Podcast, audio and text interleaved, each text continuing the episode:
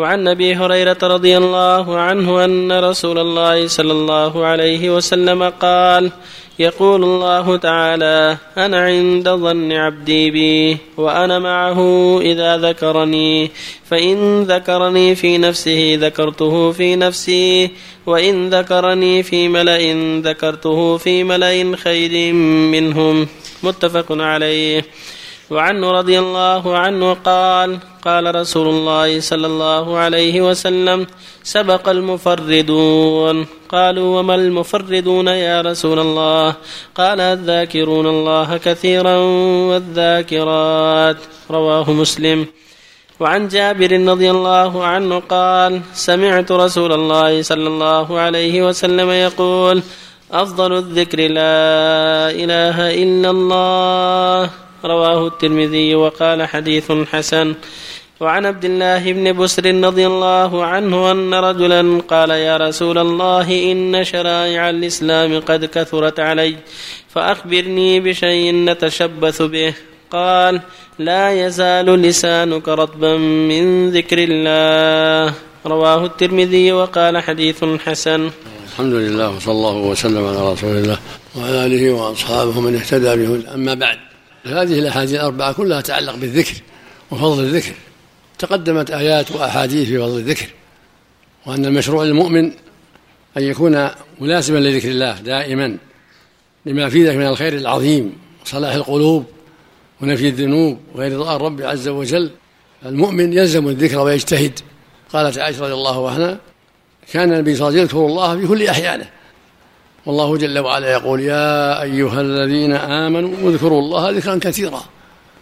ويقول سبحانه في سورة الأحزاب إن المسلمين والمسلمات والمؤمنين والمؤمنات والقانتين والقانتات إلى أن قال سبحانه والذاكرين الكثير والذاكرات.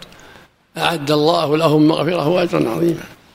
قال جل وعلا فإذا قضيت الصلاة فانتشروا في الأرض وابتغوا من فضل الله واذكروا الله كثيرا لعلكم تفلحون. ويقول النبي صلى الله عليه وسلم يقول الله جل وعلا أنا مع عبدي ما ذكرني وتحركت بي شفتاه ويقول جل وعلا أنا عند ظن عبدي بي وأنا معه حين يذكرني فإن ذكرني في نفسه ذكرته في نفسي وإن ذكرني في ملأ ذكرته في ملأ خير منهم. هذا فيه الحث على الإكرام من ذكر الله في نفسك وبلسانك جميعا. في نفسه يخاف الله ويتذكر عظمته وحقه ويرجوه ويحسن به الظن ويخلص له العمل ويكون ذاكرا بقلبه. عظمة الله في قلبه وعلى باله الإخلاص له ومحبته وتعظيمه وخوفه ورجاه هو ينطق باللسان. سبحان الله والحمد لله ولا إله إلا الله والله أكبر ولا حول ولا قوة إلا بالله. يقول النبي صلى الله عليه وسلم أحب كلام الله أربع. أحب الكلام إلى الله أربع سبحان الله والحمد لله ولا إله إلا الله والله أكبر. ويقول صلى الله عليه وسلم الباقيات الصالحات سبحان الله والحمد لله ولا إله إلا الله والله أكبر. ولا حول ولا قوة إلا بالله. ويقول صلى الله عليه وسلم سبق المفردون. قيل يا رسول المفردون؟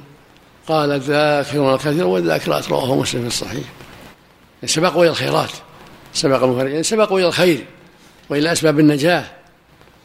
وهو المكثر من ذكر الله عز وجل. وصح صلى الله عليه وسلم أن لا إله إلا الله أفضل الذكر.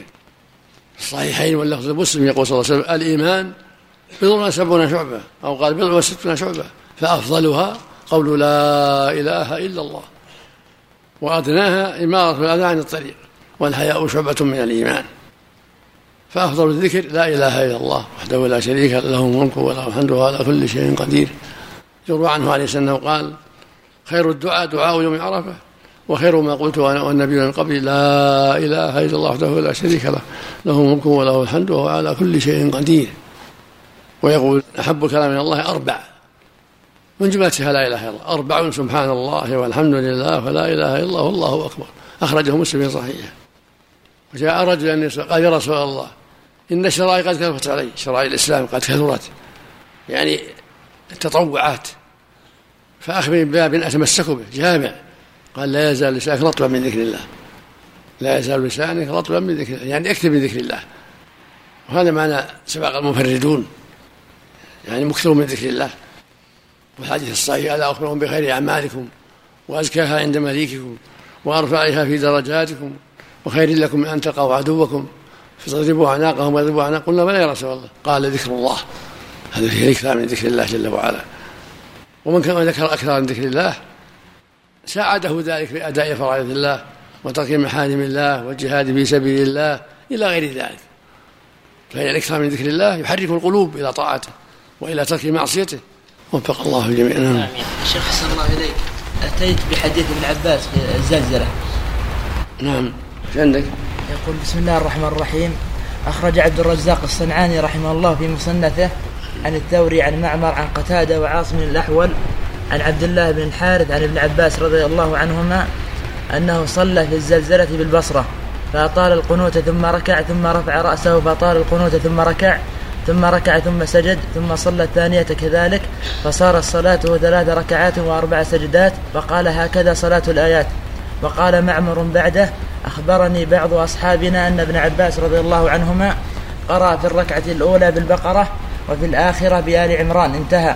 ورجاله ثقات رجال الجماعة. ومن طريق عبد الرزاق أخرجه البيهقي مطولا في سننه. باب من صلى في الزلزلة بزيادة عدد الركوع والقيام. قياسا على صلاة الخوف.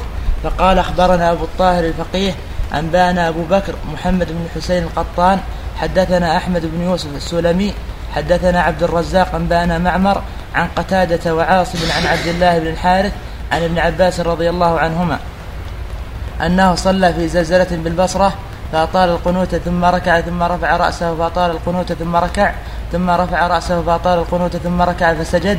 ثم قام في الثانية ففعل كذلك فصارت صلاته ست ركعات وأربع سجدات. قال قتادة في حديثه هكذا الآيات. ثم قال ابن عباس هكذا صلاة الآيات. ورجال إسناده ثقات. ومن طريق عبد الله بن الحارث أخرجه ابن أبي شيبة مختصرا في مصنفه باب في صلاة الزلزلة. فقال حدثنا الثقفي عن خالد عن عبد الله بن الحارث أن ابن عباس رضي الله عنهما صلى بهم في زلزلة في زلزلة كانت أربع سجدات فيها وست ركوعات ورجاله ثقات رجال الجماعة. قال الحافظ ابن حجر في فتح الباري عند باب ما قيل في الزلازل والآيات وهل يصلى عند وجودها؟ حكى ابن المنذر فيه الاختلاف. وبه قال أحمد وإسحاق وجماعة وعلق الشافعي القول به على صحة الحديث عن علي وصح ذلك عن ابن عباس أخرجه عبد الرزاق وغيره. وروى ابن حبان في صحيحه من طريق عبيد بن عمير عن عائشة رضي الله عنها مرفوعة صلاة الآيات ست ركعات وأربع سجدات. وروى وروى إيش؟ وروى ابن حبان في صحيحه من طريق عبيد بن عمير عن عائشة رضي الله عنها مرفوعة صلاة الآيات ست ركعات وأربع سجدات. انتهى وحديث عائشة رضي الله عنها الذي أشار إليه الحافظ رواه ابن حبان في ذكر وصف صلاة الآيات من صحيح. فقال أخبرنا عمر بن محمد الهمذاني حدثنا زيد بن أخزم حدثنا معاذ بن هشام حدثني أبي عن قتادة عن عطاء عن عبيد بن عمير عن عائشة عن النبي صلى الله عليه وسلم قال صلاة الآيات ست ركعات وأربع سجدات.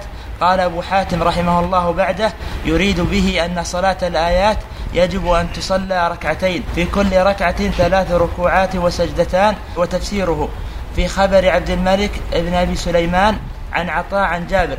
انتهى قال شعيب الأرناط بعده. إسناده صحيح على شرط البخاري. قلت فيه قتادة ثقة من رجال الجماعة ولكنه مدلس وقد عن عن أما أثر علي رضي الله عنه فقد أخرجه البيهقي في سننه الكبرى. باب من صلى في الزلزلة وقال أخبرنا أبو سعيد ابن أبي عمرو حدثنا أبو العباس أنبان الربيع قال قال الشافعي بلاغا عن عباد عن عاصم الأحول عن قزعة عن علي رضي الله عنه أنه صلى في زلزلة ست ركعات في أربع سجدات خمس ركعات وسجدتين في ركعة وركعة وسجدتين في ركعة. قال الشافعي بعده ولو ثبت هذا الحديث عندنا عن علي رضي الله عنه لقلنا به. قال البيهقي بعد كلام الشافعي. هو عن ابن عباس رضي الله عنهما ثابت ثم ساق حديث ابن عباس بإسناده. انتهى ورجال إسناد أثر علي ثقات. ولكن مع هذا ما أظنه يسلم من الانقطاع بين قزعة وعلي رضي الله عنه وبين الشافعي وعباد. فإني لم أجد لهم سماعا من بعضهم كما أن تعليق الشافعي القول بالحديث على صحته مع أن رجاله ثقات يدل على الانقطاع وإلا لقال به. وهذا أثر عن حذيفة رضي الله عنه في ذلك أخرج عبد الرزاق في مصنفه عن معمر عن قتادة قال صلى حذيفة رضي الله عنه بالمدائن بأصحابه مثل صلاة ابن عباس رضي الله عنهما في الآيات. قال شيخ الإسلام ابن تيمية رحمه الله تعالى يصلي لكل آية كما دل على ذلك السنن والآثار وقاله المحققون من أصحاب أحمد وغيرهم ولو أن ذلك يكون بشر وعذاب لم يصح التخويف بذلك. وهذه صلاة رهبة وخوف كما أن صلاة الاستسقاء صلاة رغبة ورجاء وقد أمر الله عباده أن يدعوه خوفا وطمعا. وقال عليه الصلاة والسلام إذا رأيتم من هذه الأفزاع شيئا فافزعوا إلى الصلاة.